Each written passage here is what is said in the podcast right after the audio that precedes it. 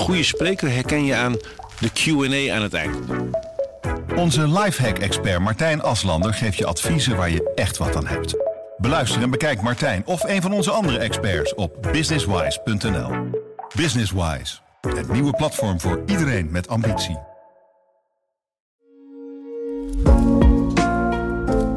Welkom bij de nieuwspodcast van de Volkskrant, waarin we je bijpraten over het nieuws van de dag. Mijn naam is Nathalie Ruiton en vandaag spreek ik met wetenschapsredacteur Maarten Keulemans van de Volkskrant. Hij heeft nieuws over de effecten van corona op geur en smaak. En hij gaat ons ook bijpraten over wat we nog meer leerden over een eventuele derde prik. Wij uh, gaan vandaag uh, praten over corona en het laatste nieuws. Als ik heel eerlijk ben, raak ik zelf soms een beetje de weg kwijt. Wat ook weer uh, allemaal de bedoeling is. En jij weet er alles van. Om te beginnen met um, het laatste nieuws over geur en smaak. Kan je daar iets over vertellen? Ja, zeker. We hebben daar ook nieuws over. Um, een van die, van die preprints, zoals het dan heet. Dus onderzoek wat nog een beetje zo snel wordt gepubliceerd. Daar blijkt eigenlijk uit dat een hele hoop mensen die reukverlies hebben bij corona. Dat is heel bekend verschijnsel als je corona hebt. na een tijdje komt het dan weer terug. En, en wat hebben die mensen dan? Die hebben heel vaak hebben ze een verschijnsel dat heet parosmie. En dat wil zeggen dat je, dat je gewoon geuren die je kent van vroeger, koffie, thee, uh, bloempjes, dat die echt stinken. Dat het heel anders ruikt en dat het gewoon oh. ja, niet te genieten is. Ja, echt heel bijzonder. Uh, een ander verschijnsel uh, wat, wat ook veel mensen hebben is fantosmie. En dat is dat je, dat je gewoon geuren ruikt die er helemaal niet zijn. Oh. Dus je zit in een kamer. zit je op de fiets en dan ruik je koffie terwijl het er niet is. Ja, je ruikt mensen een, brand, een brandlucht. Een brandlucht uh, ruiken mensen heel vaak. En dan ja, kijk je om je heen en je vraagt aan je, aan je andere mensen van... joh, uh, ruiken jullie dat ook? Maar niemand ruikt het. Oh.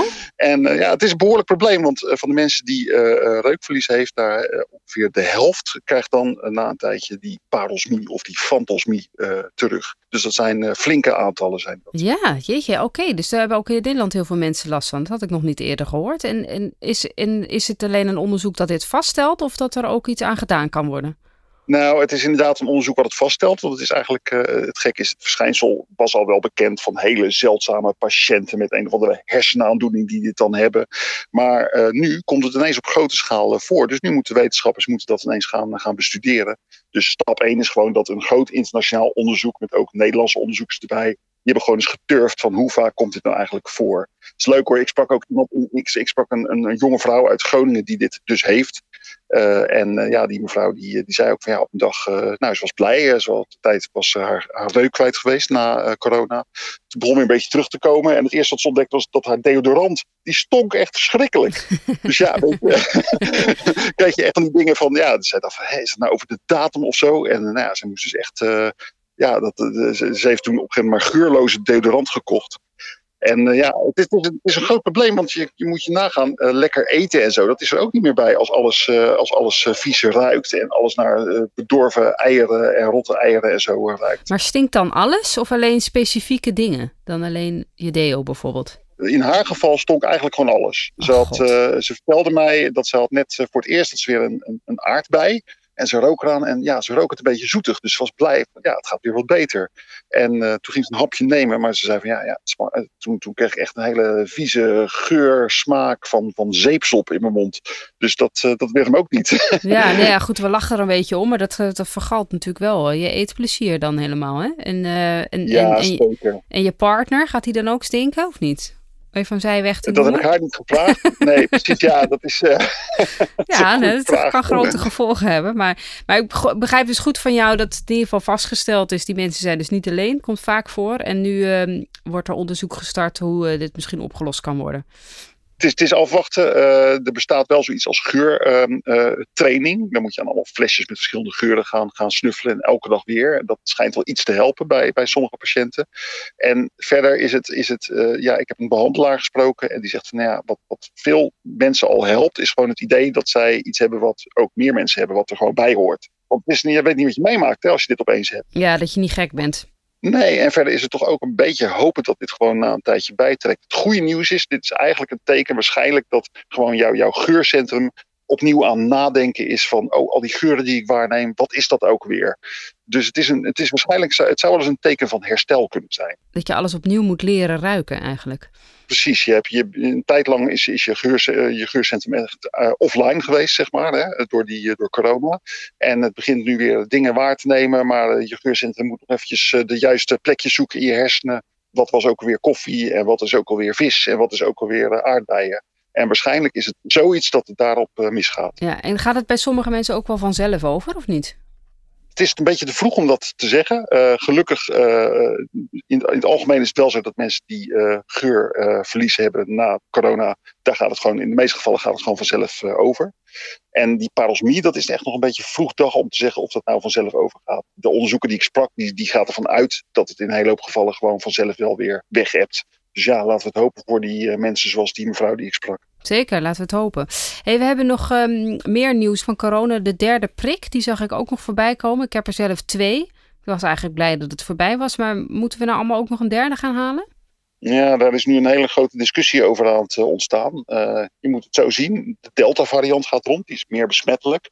En je ziet ook dat mensen die uh, tweemaal zijn gevaccineerd, die, die krijgen soms toch die Delta-variant nog, uh, nog binnen. Want die Delta-variant is zo besmettelijk en de vaccins herkennen hem niet goed. Ja, maar ik hoef niet meer naar het ziekenhuis, toch? Waarschijnlijk als ik Delta uh, krijg. Nee, nee, nee, nee, nee. Nee, dat, dat is inderdaad klopt. Maar een, een ander probleem is trouwens dat het vaccin bij, bij hele kwetsbare mensen een beetje uitgewerkt begint te raken. Die staat helemaal vroeg in de vaccinatiecampagne. En dan zie je gewoon dat ze ja, die antistoffen die zij hadden van het vaccin, die beginnen op te raken. Dus, dus komt er nu een discussie van ja, uh, moeten we nou wel of niet een derde prik uh, doen? En wat jij waarneemt, dat klopt helemaal en dat speelt heel erg mee. Uh, een argument ertegen is van ja, wacht even, je, als je twee prikken hebt gehad, dan ben je in ieder geval wel heel erg beschermd tegen ziekenhuisopname. Dus, dus dat zou een argument tegen zijn. Maar een argument voor zou bijvoorbeeld zijn dat je kunt zeggen van nou ja, zo'n derde prik kan misschien net weer je afweer wat versterken, zodat je ook ja, die neusverkoudheid van het virus niet meer krijgt. En het virus dus ook niet meer kan doorgeven aan andere mensen. En dat is wel heel handig als je bijvoorbeeld in de zorg werkt of voor de klas staat. Nou ja, goed, ik ben, niet, ik ben er niet per se tegen hoor. Maar ik denk dat veel mensen met mij die twee prikken hebben gehad, gewoon denken van ja, is het nodig? En jij bent de wetenschapsredacteur, dus laten we aanhoren wat de wetenschap erover te zeggen heeft. Want zegt ja, de kwetsbare groepen, daarvoor is het dus misschien wel handig om zo'n derde prik te nemen. Maar is het dan voor, uh, laat maar zeggen, de doorsnee, uh, ik, ik ben redelijk, redelijk gezond uh, en ik heb twee prikken gehad. Is het voor mij verstandig om me daar in ieder geval psychisch op voor te bereiden dat ik een derde moet gaan krijgen? Ook hier loop je gewoon tegenaan dat de wetenschap het nog niet echt weet. Het is allemaal nog vroegdag. En uh, wat, wat in ieder geval vaststaat, dat blijkt uit kleine experimentjes, is dat bijvoorbeeld mensen als transplantatiepatiënten die, die afweerremmende middelen uh, slikken uh, en die geen antistoffen aanmaken. Als je die mensen een derde prik geeft, dan maakt een aantal van hen, ongeveer 1 op de 3, die maken alsnog die antistoffen aan. Dus het is voor, voor dat soort kwetsbare, bijzondere patiëntengroepen is het wel degelijk heel zinnig om die derde prik te, nemen. Ja, en voor gewone mensen zijn er eigenlijk twee uh, gedachten. Uh, de ene gedachte is van, nou ja, uh, we hebben een tijdje, jij hebt een tijdje die twee prikken laten, laten inwerken nu. Misschien dat zo'n derde prik wel ja, de vaccinatie echt afrondt. Dat zie je bijvoorbeeld bij hepatitis, zie je dat. Dat is ook een vaccin. en de derde prik die moet gewoon na een tijdje worden gegeven.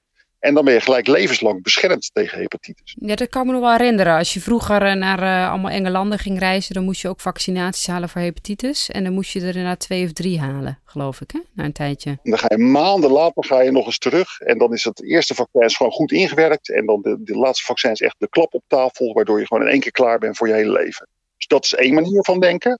Maar de andere manier van denken is van ja, wacht eventjes, zo'n derde prik. Uh, we zijn er nog, uh, waar, waar zijn er nog een keertje zo'n prik geven? Misschien moet je daarna alweer de vierde prik geven en de vijfde prik. We weten het gewoon nog niet. Ja, dat wilde ik eigenlijk ook vragen. Is het dan eh, iets net als een griepprik, dat je dat elk jaar gewoon weer moet herhalen? Ja, nou ja, dat is, dat is natuurlijk een mogelijkheid. Zeker als er weer nieuwe virusvarianten komen die er net weer wat anders uitzien. Uh, dat je dan gewoon telkens weer een nieuw vaccin moet bedenken om ja, jouw lichaam te leren van zo ziet, een, uh, zo ziet deze, uh, deze variant uh, dit jaar eruit. Dat is hetzelfde als wat we met de griep doen natuurlijk. Is dat een optie waar serieus in de wetenschap over na wordt gedacht? Dat de oudere en zwakkere mensen die nu elk jaar de griepprik krijgen, dat die er meteen ook een coronaprikje bij krijgen? Ja, dat zou best wel kunnen. Zeker als er straks nieuwe vaccins komen die ja, op een iets andere recept zijn gemaakt.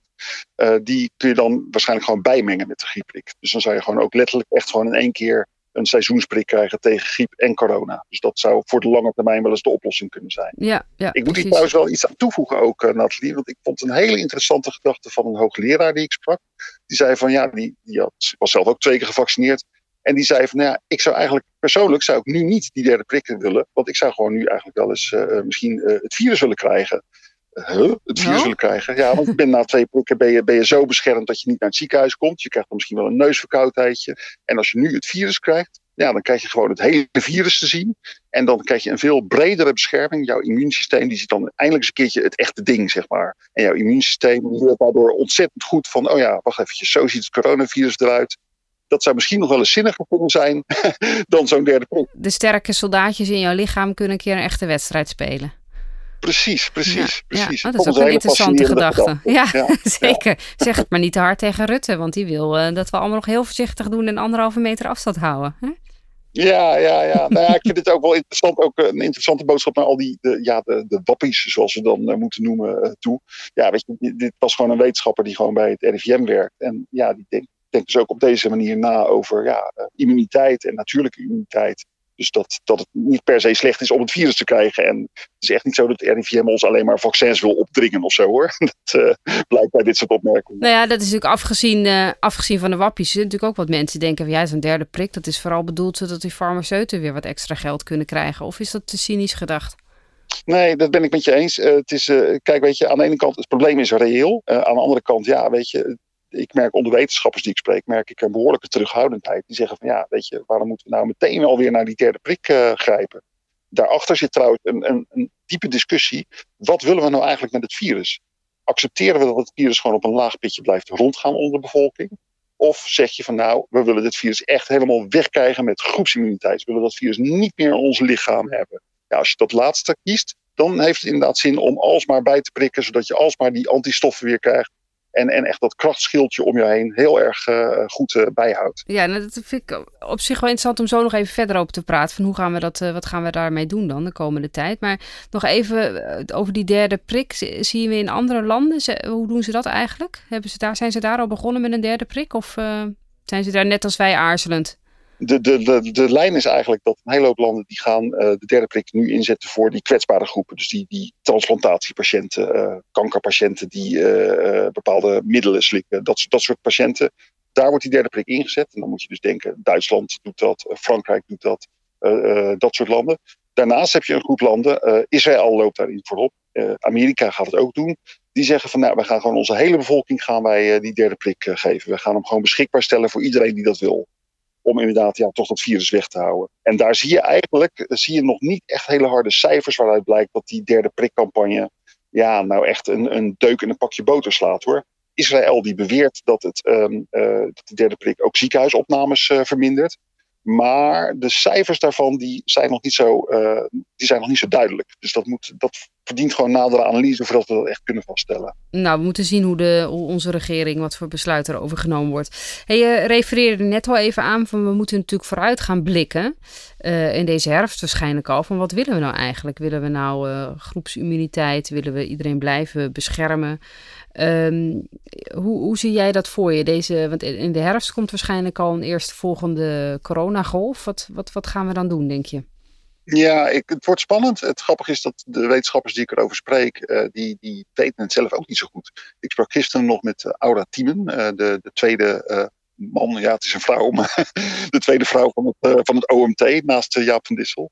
En die zei ook van nou ja, ik zei van nou ja, het wordt nu een spannende herfst. ze zei ja, misschien wordt het de herfst daarna daarna ook nog wel spannend. We weten het gewoon niet zo goed. Je moet nagaan, er zijn ongeveer 2,5 miljoen mensen in Nederland die uh, ja, nog bevattelijk zijn voor het, uh, voor het virus. Omdat ze zich niet hebben laten inenten.